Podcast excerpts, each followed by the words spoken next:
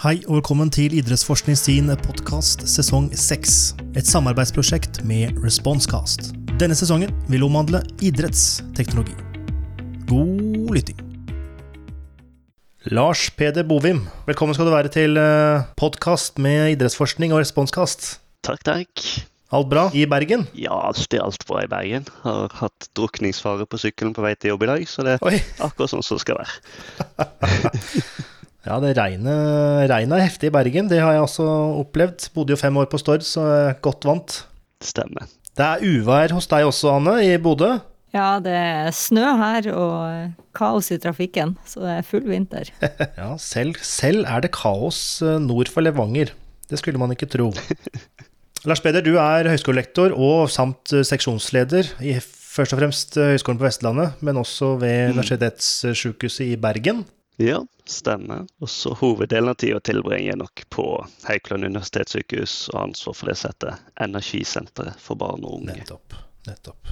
Ja, du var jo tidligere gjest hos oss uh, i 2019, eh, der vi snakket om eh, det vi skal snakke om i dag, nemlig VR, eller virtuell virkelighetsteknologi. Hensikten er jo å bringe inn en ekspert som kan snakke litt om en av kapitlene i boka Idrettsteknologi, der du er redaktør, Anne. Hva er ditt eh, forhold til eh, VR og virkelig, nei, virtuell virkelighetsteknologi, Anne? Altså, for min del, da, fra idrettsperspektivet, så, så er jo det her en av de nye teknologitrendene som kommer inn i idretten. Og eh, man ser at det er flere og flere aspekter av idretten der man eksperimenterer med virtuell virkelighetsteknologi. Det er både i toppidrett med mer sånn type prestasjonsforbedring og restitusjonsfokus.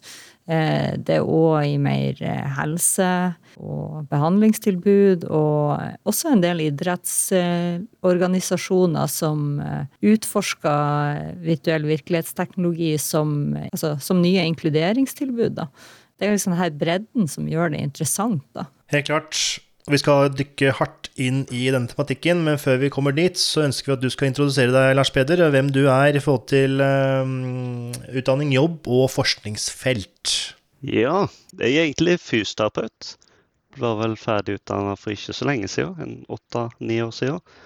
Og eh, er vel en av de som fant ut at fysioterapeut er ikke det jeg har lyst til å være. Så jeg havna på høyskolen i Bergen, som det het da, veldig tidlig. Og fikk ansvar for eh, Rehab-lab, som da handler om teknisk utstyr i kartlegging og oppfølging av eh, pasienter, og mye knytta til forskning. Så det var kamerautstyr og eh, O2-testing og mye styrke, bevegelse. Og etter hvert da mye VR som kom inn i jobben der.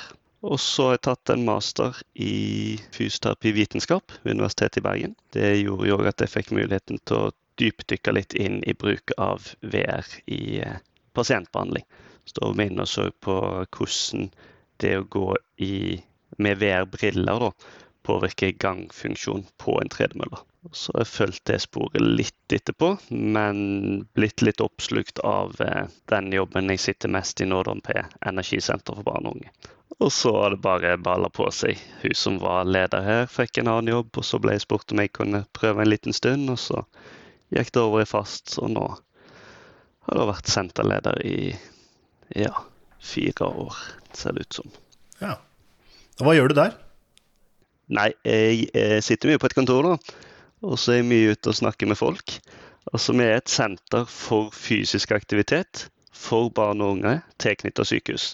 Wow. Og det er testlabber, hjerte, lunge, gangfunksjon. Eh, Det er store gymsal, klatrevegg, basseng. Og så er det mye samarbeid ut mot idrett og kommune.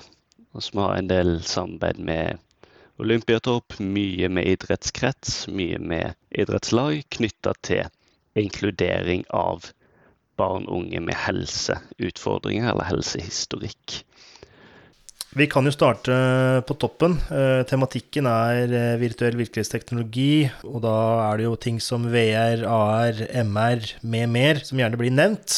Men eh, Hva er dette her for noe? For det første må jeg si det er utrolig bra beskrevet i boka. Men sånn helt grovt enkelt sett så handler det om at vi putter inn datagenererte elementer inn i den virkelige verden. Så enten gjør vi det via skjerm eller via prosjektorer, eller det som de fleste av kjenner til, da, VR-briller. Ikke sant. Ikke sant. Det viktigste er kanskje ikke å klare å sette fingeren på om noe er augmented reality eller virtual reality eller mixed reality. Det, det er kanskje heller å forstå at det er mer enn VR-briller. Mm. For det, det, er det jeg oppfatter når jeg snakker med folk om det, at uh, virtuell virkelighetsteknologi, det er VR-briller. Mm.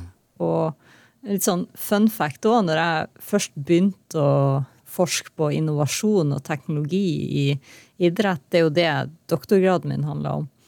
Så eh, begynte jeg med å gjøre sånne Google bildesøk da, for å finne ut hva er idrettsteknologi. Hva, er, hva, liksom, hva assosierer vi med det? Og 90% av de bildene som kom opp, var utøvere med VR-briller på. Så, så, tenkte jeg sånn OK, det handla i hvert fall om VR, da. Ikke sant. Fordi når jeg leste kapitlet, så uh, Jeg hadde samme oppfatning. Virtuell uh, virkelighetsteknologi, da går jeg til VR med en gang. Men så ser jeg også at uh, eh, f.eks. Swift, dette sykkelprogrammet der man sitter på en uh, Hva heter? En, en rulle som sykkelen er festa til. Har du gjerne skjermen foran deg, uh, der du kan konkurrere mot andre som også har dette Swift-programmet. Der du kan sykle mot ja, andre i en virtuell verden, da, en virtuell løype, og så følge løypeprofilen i forhold til motstanden på rulla, hvis den er avansert, f.eks. Så jeg, jeg, Min hva skal jeg si, oppfatning av virtuell virkelighetsteknologi ble bredere av å lese boka. Så det, da har du oppnådd det du ønsket, Danne. Ikke sant? Og det er jo ikke, jeg vil bare nevne det da, det er jo ikke tilfeldig at det er mye sånt du trekker fram. For nå skal vi gå litt i dybden på det, men generelt knytta til idrett, når du skal prestere fysisk altså Vi kommer nok mer inn på mentalbiten, men når du skal prestere fysisk, så er virtuell virkelighetsteknologi veldig nyttig eh, hjelpemiddel. Men per i dag så er VR-briller i de aller fleste tilfeller ikke det du er på jakt etter. Det er veldig mye Er du god i idrett, i hvert fall hvis du skal satse og den biten, så har du visualiseringstankesettet på plass. Mm. Da er det bare det lille ekstra inputet for å sette deg akkurat inn i settingen som gjelder. Og da er skjerm i de aller fleste tilfellene mye bedre. Vil jeg påstå. Jeg vet ikke hva du tenker, Anne? Jo, absolutt. Og Swift er jo et veldig godt eksempel på det, tenker jeg. Eh, og, og nettopp det noe av det som gjør at det er blitt så populært. Men hvis da Swift er virtuell virkelighetsteknologi, vil ikke da spill som WoW også være vir eh, virtuell virkelighetsteknologi? Altså hva er forskjellen på Swift og WoW, eller et, et dataspill da, som er online-basert?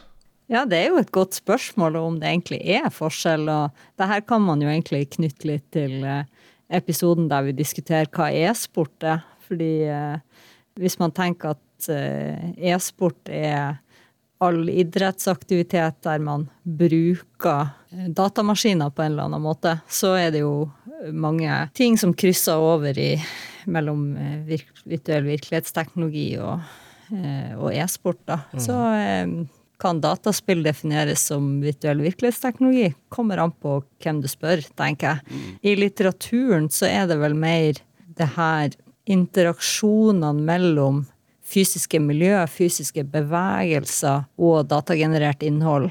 Eh, altså det som er forskjellen, at det er mer enn en det finmotoriske. Men eh, igjen, det kommer jo an på hva formålet er. Eh, Lars Peder, du var jo inne på liksom hvis man har liksom mentale eh, aspekter, da. Det er jo vanskelig, og det er jo det som gjør det gøy at det er en del overlapp. Jeg ville jo f.eks. sagt at hvis du spiller Vov med eh, jeg vet ikke om det fins, det er kanskje et dårlig eksempel, men sier du spiller flysimulator da, på PC-en, så vil jeg si at hvis du sitter og spiller tastatur, da er det spill. Har du en joystick, da begynner vi å nærme oss mer virtuell virkelighetsteknologi. Ja. Så i WoW, da, hvis du har hatt en eller annen eh, gunner som du Og en mølle? Til, ja, da snakker vi. wow, ok. Men igjen, mange vil være uenige. Så Nei, men Det gir mening, egentlig. Min tanke går alltid til Formel 1, selvfølgelig. Jeg prøver å knytte alltid det. Men uh, i forhold til sim racing, om du sitter med rattet og pedaler og får haptic feedback og den slags, så vil jo det være nærmere enn å sitte med en kontroll. Ja, ja. Det er virkelig. Det er jo den optimaliserte, mest tilgjengelige biten av virtuell virkelighetsteknologi. Det er jo knytta til bilkjøring. Nettopp. Lars Peder, du har jo eh, din bakgrunn fra helsesektoren når det gjelder virtuell virkelighetsteknologi. Så kan du fortelle litt eh, hva er det man bruker VR og virtuell virkelighetsteknologi til i helsesammenheng? ja, det er mye. Jeg kan jo trekke litt inn til hva vi bruker det her hos oss på sykehuset. Sånn I 2020 da åpna vi VR- og gamingrommet for barn og unge inne på sykehuslokalene. Og da var vi veldig tydelige på at her skal det være tre formål. Det ene handler om behandling med etablert kompetanse, der forskningen sier at dette er good to go. Så skal vi ha innovasjon og utprøvingsprosjekter for å se om det er mer plasser der primært VR og PC da, er, kan brukes i helse. Og så det siste er at vi bruker det som en pause fra sykehushverdagen. Det å komme inn med relativt enkel teknologi etter hvert. Kunne sette på enten en video i 360 grader, altså du kan se rundt deg, eller en enkel app som Google Earth, at eh, pasienter og eh, mennesker kan eh, bare fly hjem der de bor, og vise helsepersonell hvor de bor. Det starter en voldsomt god samtale. Og det gir en alliansebygging som vi for vår del prøver å spille videre på.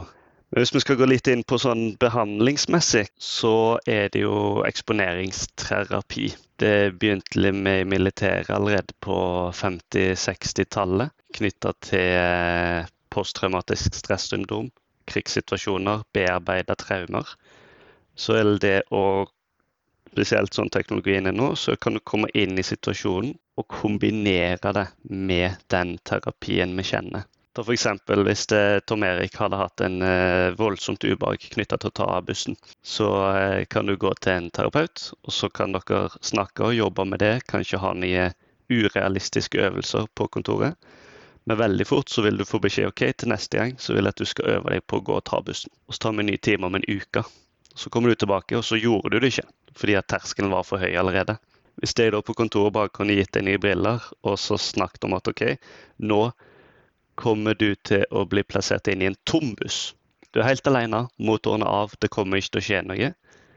Så sitter du der et par minutter, av igjen med brillene, og så kan vi jobbe med det der og da. Og så kan vi justere vanskelighetsgraden knyttet spesifikt til der du er klar for i behandlingsløpet. Dette gjør vi f.eks. her hos oss knytta til ungdom med psykoselidelse og sosial angst. Ja, Det er helt uh, fantastisk, og man kan skalere situasjoner uh, basert på hvor man er i ja, forløpet eller fremgangen man har fått. da. Ja, det jo... Og det er så greit å vite her, er at her fins programvaren det er masse Nå skal jeg ikke kjøre reklame, men til og med norske firmaer som Fornix og andre som lager scenarioer som kan tas rett i bruk på klinikken. Eller da eventuelt, som vi skal inn på, da, knytta til idrett, hvis det er scenarioer der som òg er overførbare. Ikke sant. Ja, jeg tenker at det er det jo absolutt. Altså, eh, snakk om behandling av ungdom som sliter med angst, men eh, Tenk på det presset f.eks. toppidrettsutøvere står i. En fotballspiller som skal ta en avgjørende straffe, eller finaleheat i et viktig løp. Altså, I mange idretter så er det jo en grunn til at uh, du ofte er litt opp i 20-årene når du begynner å, å, virkelig slå igjennom på toppnivå. Det handler jo om erfaring med de situasjonene. Mm. Mm.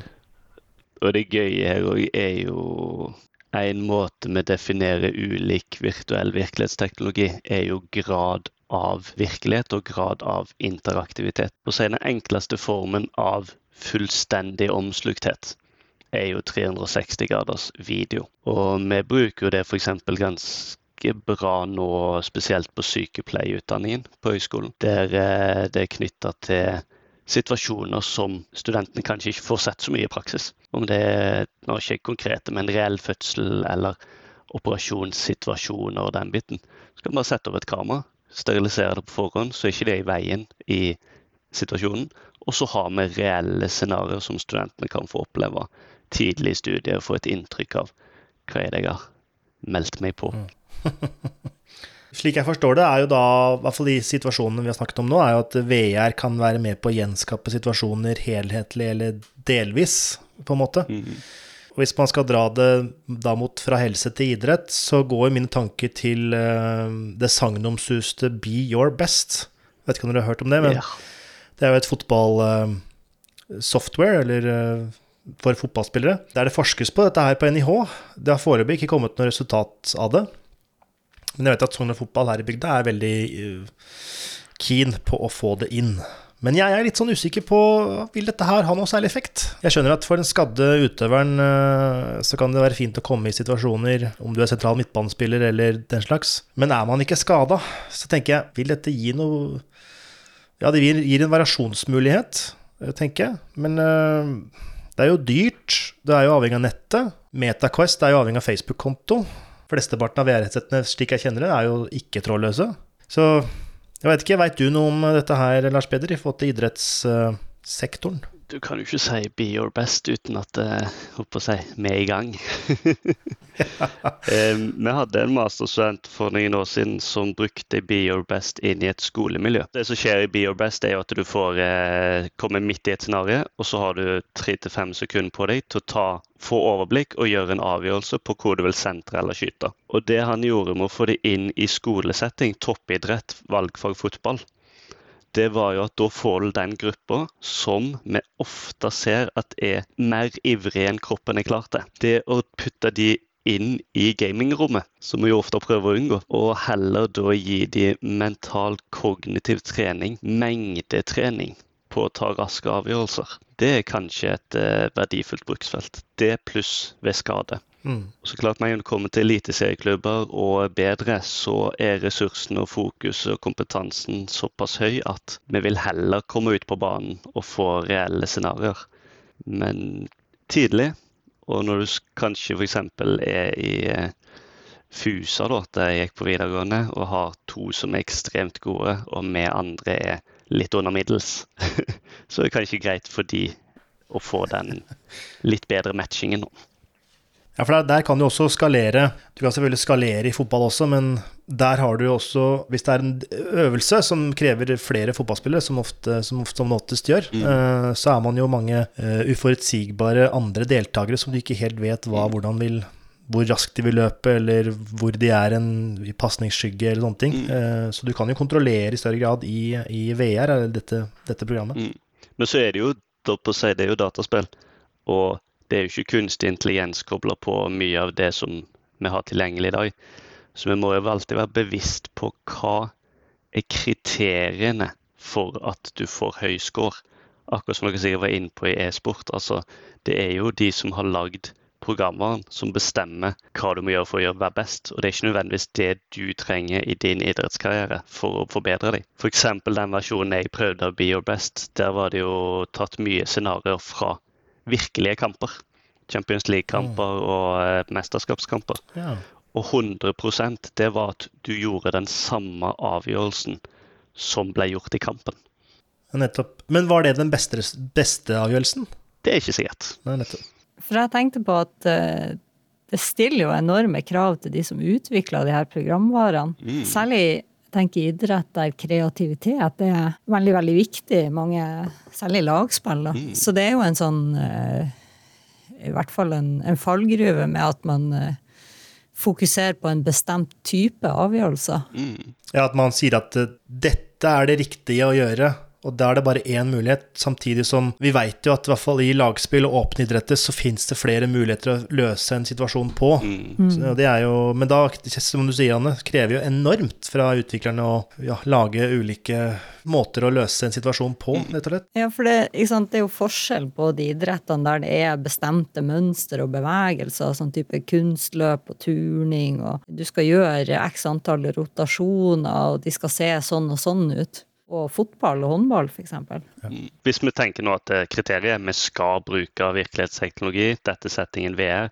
og vi skal bruke det til prestasjonsfremming i lagidrett, så det er det to veier å gå. Det ene er at det blir veldig dyrt, men kan bli bra fordi at de sitter og programmerer og putter inn. Og det andre er jo det vi ikke er gode på ennå. Det er jo bruk av kunstig intelligens.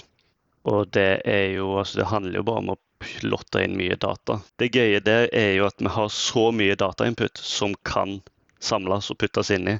Vi som mennesker har ikke nubbesjanse til å finne alle variantene som går perfekt. Kunstig intelligens har det. Å kombinere det med spill, det kan bli veldig bra. Og det er det mange som har begynt med, som er flinkere enn oss. da. Nå toucher vi egentlig òg litt innpå en av de store sånn, bekymringene jeg har for videreutvikling av idrettsteknologi med de her enorme datamengdene. Fordi sånn, som sosiolog så er jeg jo veldig interessert i ulikhet. Og per i dag, da, f.eks. i fotball, så er det jo to forskjellige verdener når man snakker om tilgang til teknologi på herresida og damesida. Hva det utvikles data om. Så eh, nylig her på Nord da, så har vi hatt et prosjekt der vi intervjua fotballtrenere, både for herrelag og damelag, om teknologibruk. Mm. Og der de som trener damelag, sier at datagrunnlaget de baserer på når de tar avgjørelser, liksom, hva, hva, er en god spiss, hva ser vi etter, det er basert på herrespillere. Ja. Ja. Ja. Fordi at man har ikke data om kvinnelige utøvere tanken om at data er objektiv mm. og nøytral, der er det en utfordring med at den er veldig sterk. Mm. Denne fellen kan jo si at vi har gått i helse i alle år. Typiske tidlige, store helseforskningsprosjekter, spesielt når det begynner å knytte til rehabilitering og den biten. Det var jo utgangspunktet i militæret. For der fikk du tak i mange som du kunne diktere til å gjøre det samme. Og da håper jeg, Da ødelegger du proxyen enda mer. Da snakker vi unge gutter som er blitt plukka ut fordi at de presterer kanskje bedre enn eh, gjennomsnittet, som vi egentlig har lyst til å skape god helse for. Og i hvert fall etter mange titalls år siden, sånn det var jo i hvert fall begrensning på eh, kvinner der. Mm, mm. Så snakker vi mer om det nå, så vi må jo ha tro på at det blir bedre i framtida. Men eh, det er òg forskjell mellom snakk og handling. Det er helt klart. Ehm, du både jobber med barn og unge i forhold til helsesammenheng, og du snakket, snakket nå litt om idrett. Hvordan er det, hvordan er det brukerne opplever uh, bruk av VR? Altså, du sier det funker bra, men det er fra ditt perspektiv, og ser, at du ser endringer. Men føler de det sjøl, i forhold til om du er fotballspiller, eller om du er en unge som har en diagnose av et eller annet? Det som gjør at jeg har orka å fortsette å være engasjert på dette, er jo responsen til barna og ungdommene når de kommer inn på et sykehus og er ferdig med EKG-en eller blodprøven sin, og så får vite at det neste skal inn på VR-rommet. Altså, De blomstrer opp fra før vi kom inn døra. De kan ting bedre enn behandlerne. Så du får en maktskifte som er helt nydelig. Det er òg en måte å komme inn på uh, utfordringen deres. Og så, knytta til mitt felt, fysioterapi. Vi får en del barn og ungdom som ellers ikke er motivert, til å holde på med øvelsene sine mye lengre. Og det er jo med barn og unge ofte målet vårt, det er å få behandlingen lekbasert. Sånn at det er gøy for barna, sånn at de holder på lengre. Og med de vi ikke kommer gjennom eller når fram med gymsal, bassengaktiviteter, klassiske idrettsaktiviteter, så tilfører denne teknologien et ekstra, altså et ekstra nivå, da, en ny mulighet. De kan være sinnssykt gode i dataspill. Og har opplevd hele livet å være hakket dårligere når det kommer til motorisk, hakket dårligere på skolen. Mm. Gjerne begynt å falle ut av kroppsøvingen fordi at en kroppsøvingslærer har 30 stykker det skal tilrettelegges for. Og eh, det å få lov å kjenne på at de er best i noe som har med fysisk aktivitet å gjøre, det er behandling i seg sjøl. Fordi, eh, og dette nevnes jo også litt i eh, boka, eh, dette med mm, teknologiens nyhetsverdi, eller mm. novelty effect. Men så sier du nå at de holder på med behandlingen lenger, eller de er flinkere til å utøve øvelsene, eller hva det måtte være. Mm. Så her virker det som om VR er mer morsommere mest sannsynlig enn eh, vanlige, tradisjonelle, analoge øvelser. Men ser du dette her over tid også? 8, 10, 12, 6 måneder, 12 måneder? Er det gøyere enn det tradisjonelle? Her er jo forskningen sprikende, og det typiske oppsett som er satt, er jo tradisjonell behandling versus VR eller tradisjonell pluss VR. Og i forskningen så er jo VR begrepet som blir brukt, selv om det er veldig mange andre teknologier. Og i mange settinger så, mis, så daler motivasjonen. Eh, Men det du ser igjen i mange av de settingene, er at det gjerne har vært ett spesifikt spill. Ja. Og det sier seg sjøl hvis du får inn en som skal, operere, eller skal trene seg opp igjen etter en kneskade, og finne ut at OK, nå er du god nok til å drive med den, den type hopp. Så nå kan du gjøre det i ni måneder. Ja, mm. Da forsvinner engasjementet. sånn at vi er for dårlige foreløpig til å huske variasjonsperspektivet i det. Vi setter ny teknologi, vi tenker nå er vi nyskapende, nå gjør vi noe ingen andre får til. Nå er vi kjempeflinke, og så lar vi det være med det.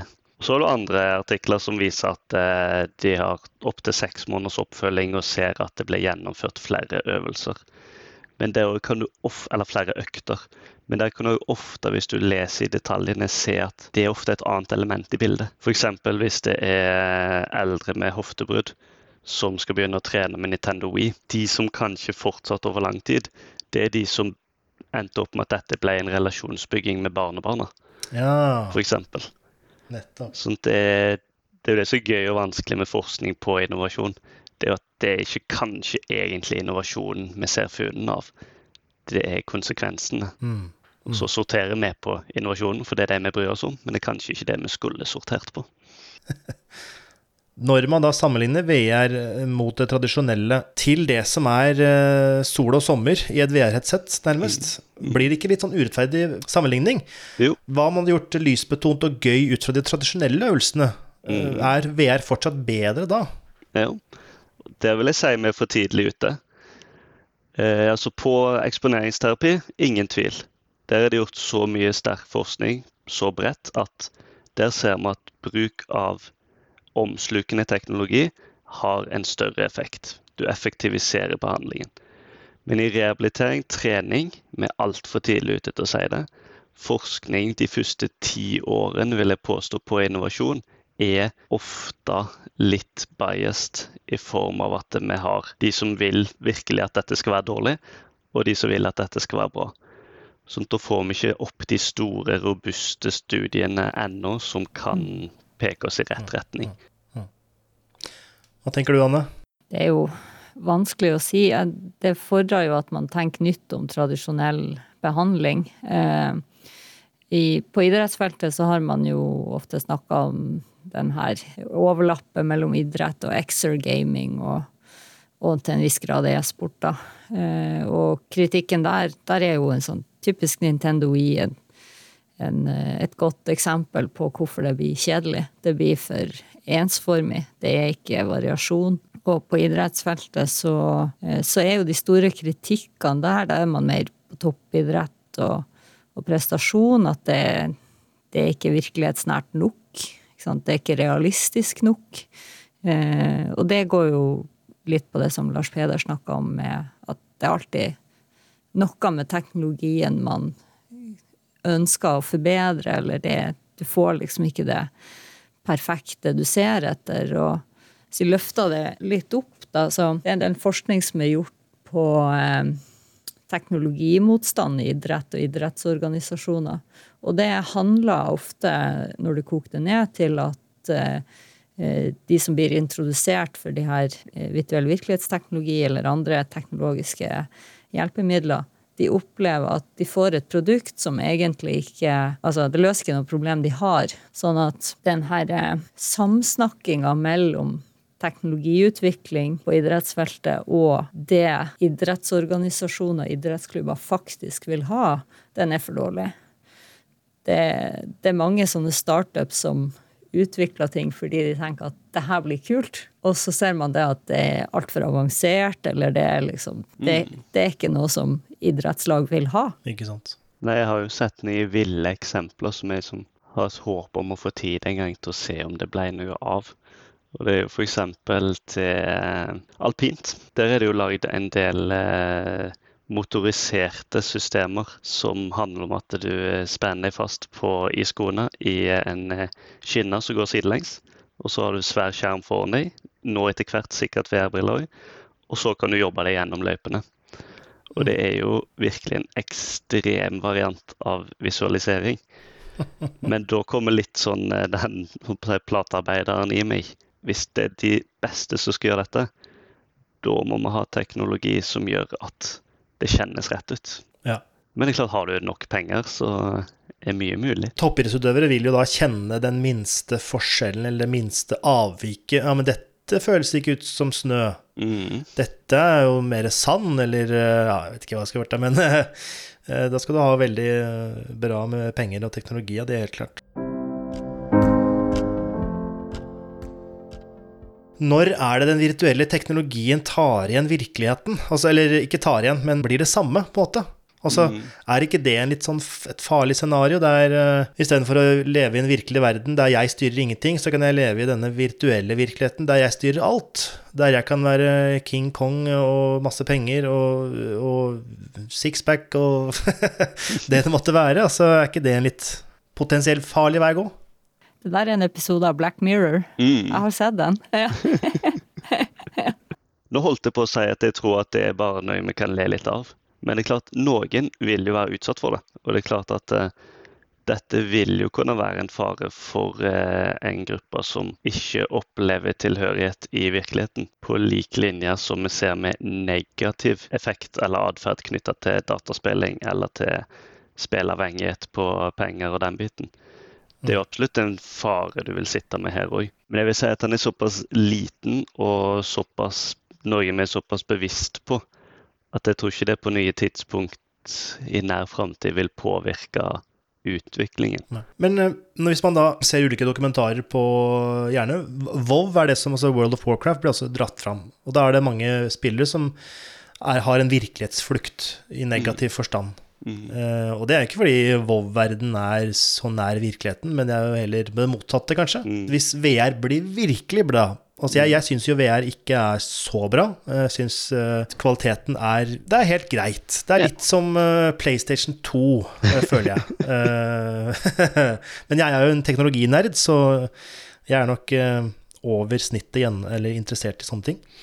Det er vel eh, når Elon Musk snakker om å putte en uh, chip inn i hjernen, mm. og det er vel noen som har gjort det allerede, så er vi jo på vei et annet ja. sted. Da skal vi tenke oss litt om. Kanskje, kanskje vi får disse linsene fra Black Mirror, så vi slipper disse VR-brillene. det var en ting jeg tenkte på eh, når jeg satt og leste dette kapitlet. Bellifisering i exogaming, det er jo en stor del av hvorfor vi bruker sånn teknologi inn på helse. Og det er jo innom det vi snakket om tidligere med motivasjon, vi gjør det gøyere og den biten. Men bellifisering det handler jo om det at du gjør aktiviteten lekbasert. Akkurat sånn som vi har i brettspill eller i eh, lekbaserte kroppsøving og det som er. Det skal være regler og oppsett som gjør at du har det gøy. Du blir tvunget til å ha det gøy. Og det har hatt noen gøye diskusjoner med litt uh, ymse helsepersonell. Er ikke det vi egentlig gjør med å putte dette inn i behandling, at vi gjør pasienten avhengig av den uh, boosten og gleden de får av å spille? Hmm. Anne, du kan starte hvis det var et vanskelig spørsmål. ja, altså, jeg ville ikke vært veldig bekymra for det. Det er alltid en risiko for å bli avhengig, men uh, hvor utbredt er f.eks. dataspill da, i samfunnet, og hvor mange er avhengig. Mm. Eh, så, og så er det jo et spørsmål om hva er avhengighet, og når er man avhengig. Og, men eh, jeg syns ofte at det er litt sånn overdramatisert når det gjelder eh, spilling. Fordi altså, det snakkes mye mindre om, men folk er jo også avhengig av idrett. Det er jo masse folk som blir overtrent. Og som du, var, inne på, du var inne på, Lars Peder, at uh, du skal restituere, men uh, det blir noen timer på Løkka likevel. Altså Selvfølgelig, det vil alltid være i gruppe, og noen er mer utsatt enn andre, og sånn, men at det er et kjempestort problem, usikker. Ja. Men, men, tenker du da at uh, for å få folk aktive, hvis vi tenker da gamification eller spillifisering i en fysisk aktivitetskontekst, uh, at du hele tiden må Du må ha level up på en eller annen måte. Du må ha leaderboards, du må ha andre spillelementer. Uh, at det blir på kanten til brød og sirkus. Og at når man da går tilbake igjen til å ha vanlig volleyball, så blir det kjedelig. Er det det du på en måte er litt redd for? Er det det du tenker på? Det er sant. Nei, jeg er jo ikke redd for det hele tatt. Det er derfor jeg syns det er gøy å slenge det inn. For jeg pleier å være den som sier at ja, men er ikke det bare bra? Hvis vi klarer å gjøre han pasienten her avhengig av noe som gir fysisk aktivitet, som gir positive ringvirkninger. Den totalkapasiteten vil jo bremse han på et tidspunkt uansett. Mm, mm. Så jeg pleier jo å være den eh, jeg, dere i denne settingen. Men akkurat den biten der er jo veldig interessant. Altså, hva om med, med Exor-gaming, som ligner på spillifisering, men det er mer det der at du kombinerer teknologi og spill. Litt sånn brobyggeren mellom klassisk idrett og eh, e-sport, vil jeg si. Hva om vi ender opp med at det er gøyere enn de andre idrettene?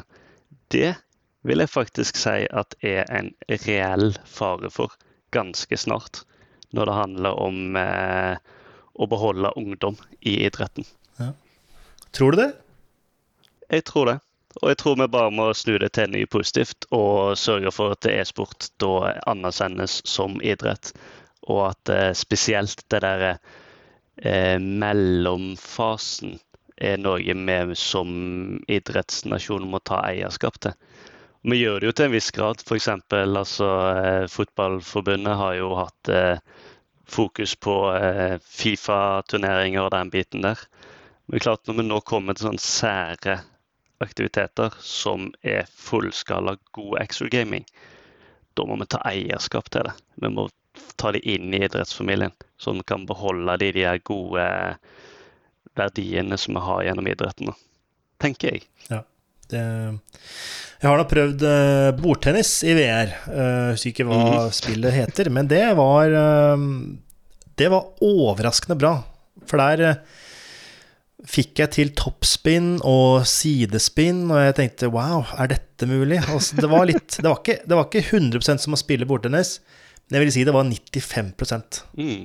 det, var, det, ble jeg veldig imponert av. Uh, og min uh, kollega Matthew Shaw han prøvde jo boksing her om dagen. Og han fikk iallfall ve veldig høy puls, han pusta tungt. Uh, men jeg tror ikke dine bokserne vil heller gå på spillet enn å bokse i virkeligheten. Men det er kanskje, vi snakker kanskje litt om ulike populasjoner her. At de som bare vil være aktive, kan velge spill istedenfor å møte opp på klubben din. Men de som vil faktisk bokse, være boksere, vil nok preferere virkeligheten eh, først, tipper jeg. Da er vi jo liksom inne på hva, hva, skal vi, hva vil vi med virtuell virkelighetsteknologi? Er det egentlig noe mål at det skal bli så likt virkeligheten som mulig? Altså, eh, det vi ser nå mange idrettsorganisasjoner, er jo at man bruker de her teknologiene og e-sport og andre teknologiske hjelpemidler for å tiltrekke seg befolkningsgrupper som i utgangspunktet aldri ville ha kommet inn mm. døra hos dem. Og der tenker jeg at hvis man ønsker det, så kan ikke det nye være det samme som det gamle. For da er det ikke interessant for den gruppa. Så det er noen sånne eh, utfordringer her, da. Men selvfølgelig, hvis man snakker med en toppidrettsutøver som eh, vil bruke VR til å bli bedre på kreativitet i kampavgjørelser, så er det noe helt annet. Ja, ja. Men sporet vi er inne på nå med inkludering i idretten, er jo interessant. Altså, jeg vet ikke noen som vet hvor mange særidretter vi har i Norge. Det er vel en 57-58 forbund, er det ikke det? Ja, nettopp. Da er vi inne på veldig mye spesielt, og som andre vil kalt for rart. Og klart Hvis vi da plutselig i 2035 har en eh, idrettsaktivitet som handler om å stå syv stykker på en bane med VR-briller på seg, og målet er å jeg vet ikke, få eh, basketballer inn i golfhull, men du må forbi dragene og alt mulig sånt for å komme deg dit. Så har vi plutselig eh, kanskje grupper som ikke har vært med i idretten tidligere. Ja. Jeg føler at de som er syns trening eller fysisk aktivitet er kjedelig, eller de ønsker ikke å eh, bli svette eller røde kinna foran andre, at det er litt flaut, eller sånne ting, så syns jeg jo VR eller, VR eller andre, om det er Ringfit Adventure fra Nintendo, eller om det er uh, Playpulse fra NTNU i, uh, i Trondheim, denne sykkelen som du Capture the Flag of Tanks. Jeg vet ikke om du har hørt om det, Lars Peder? Vi har den på senteret. Ja, ikke sant. Eh, eller om det er eh, Pokémon Go eh, gjennom mobilen. Så syns jeg dette her kan være en fin introduksjon til å få en mestring i det å bevege seg, og potensielt få folk fra den der de starter med en virtuell inngang og går over, eller går over eller kombinerer med en analog, eh, altså vanlig fysisk aktivitet. da. Jeg, jeg har litt trua på det. Men det du kan trekke på der òg, er at dagens unge er utrolig gode til å omstille seg i sosial setting. Sånn at du kan ha de som er best i fotball, som egentlig ikke snakker med de i klassen som eh, ikke driver med idrett. Men når da plutselig Pokémon Go er det store, så er de plutselig en gjeng ja. som går sammen ja. på det. Det er jo noe med å utligne de sosiale forskjellene mellom de som er med i idrett og ikke. Mm, mm. For det er et fascinerende skille ja. som vi kunne klart oss uten hvis vi hadde oppført oss som eh, de yngre. Ja, ja, ja. Ikke sant. Hvis man skal se litt uh, fremtidig, da så hva, Jeg veit jo at uh, Apple kommer jo med et nytt uh, VR-headset som kommer til å koste flesk. Det har vel blitt snakka om en 45 000 eller sånt noe. Men det ser jo helt sinnssykt ut. I hvert fall promo, men det gjør det jo alltid. Det er ikke sikkert det er sinnssykt når du faktisk får henda på det. Men hva, hva, hva bringer fremtiden i virtuell virkelighetsteknologi, Lars Peder? eh, blir jo ofte spurt om det. Og noe jeg tror og håper, er at eh, det blir flere store aktører. Altså Sånn som det er nå, så har vi noen veldig store aktører som styrer gamet.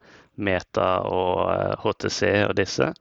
Og så har vi ekstremt mange startups og små firmaer. Indie game masse som sikkert hver for seg er bra, men det forsvinner i mengden. Du vet ikke om det fungerer om to år, og den biten. Sånn at jeg håper, det er slemt å si, men jeg håper veldig mange av dagens aktører finner noe annet å gjøre på etter hvert. Og så at vi får noen, kanskje 10-15 store leverandører av innhold til helse og idrett. Og eh, så tror jeg òg at vi skal begynne å håpe litt at innholdet kan på mange sett bli litt dyrere.